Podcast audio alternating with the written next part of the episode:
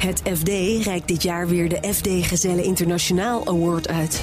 De award voor grensverleggende bedrijven die de weg naar internationaal succes hebben gevonden. De FD Gazelle Internationaal Award wordt uitgereikt op 11 april tijdens Trends in Export in Amsterdam.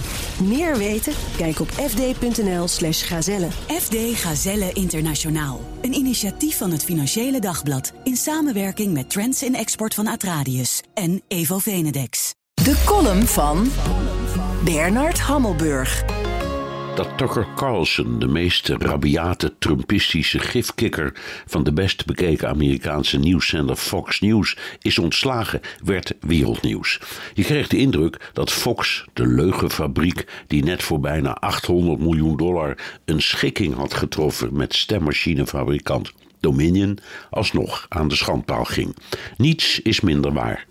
Eerst een beetje perspectief.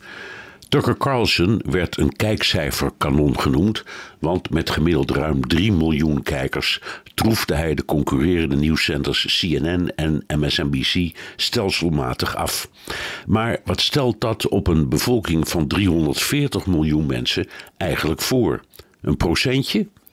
De best bekeken zender is NBC met gemiddeld bijna twee keer zoveel kijkers. Ook dat is bepaald niet indrukwekkend. De Super Bowl trok dit jaar 200 miljoen kijkers. Ik bedoel maar. Voor de volledigheid ook even wat salarissen. De best betaalde presentator is Sean Hannity van Fox News, 45 miljoen dollar per jaar. Met 6 miljoen was Carlson dus nog een kleuter, maar zijn netto vermogen wordt inmiddels geschat op 30 miljoen. Wolf Blitzer van CNN zit trouwens op 5 miljoen.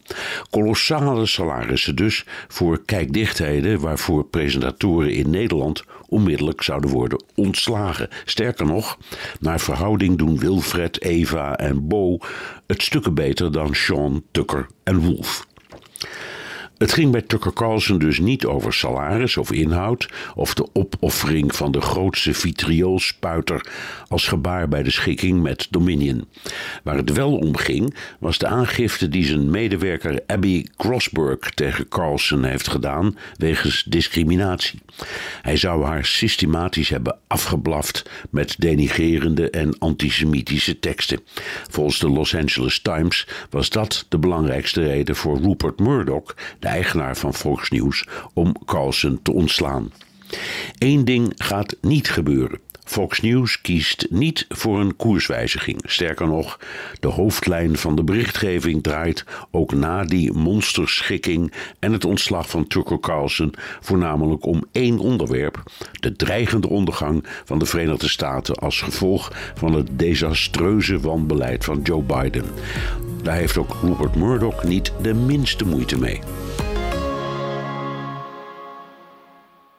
Het FD reikt dit jaar weer de FD Gezelle Internationaal Award uit. De award voor grensverleggende bedrijven die de weg naar internationaal succes hebben gevonden. De FD Gazelle Internationaal Award wordt uitgereikt op 11 april tijdens Trends in Export in Amsterdam.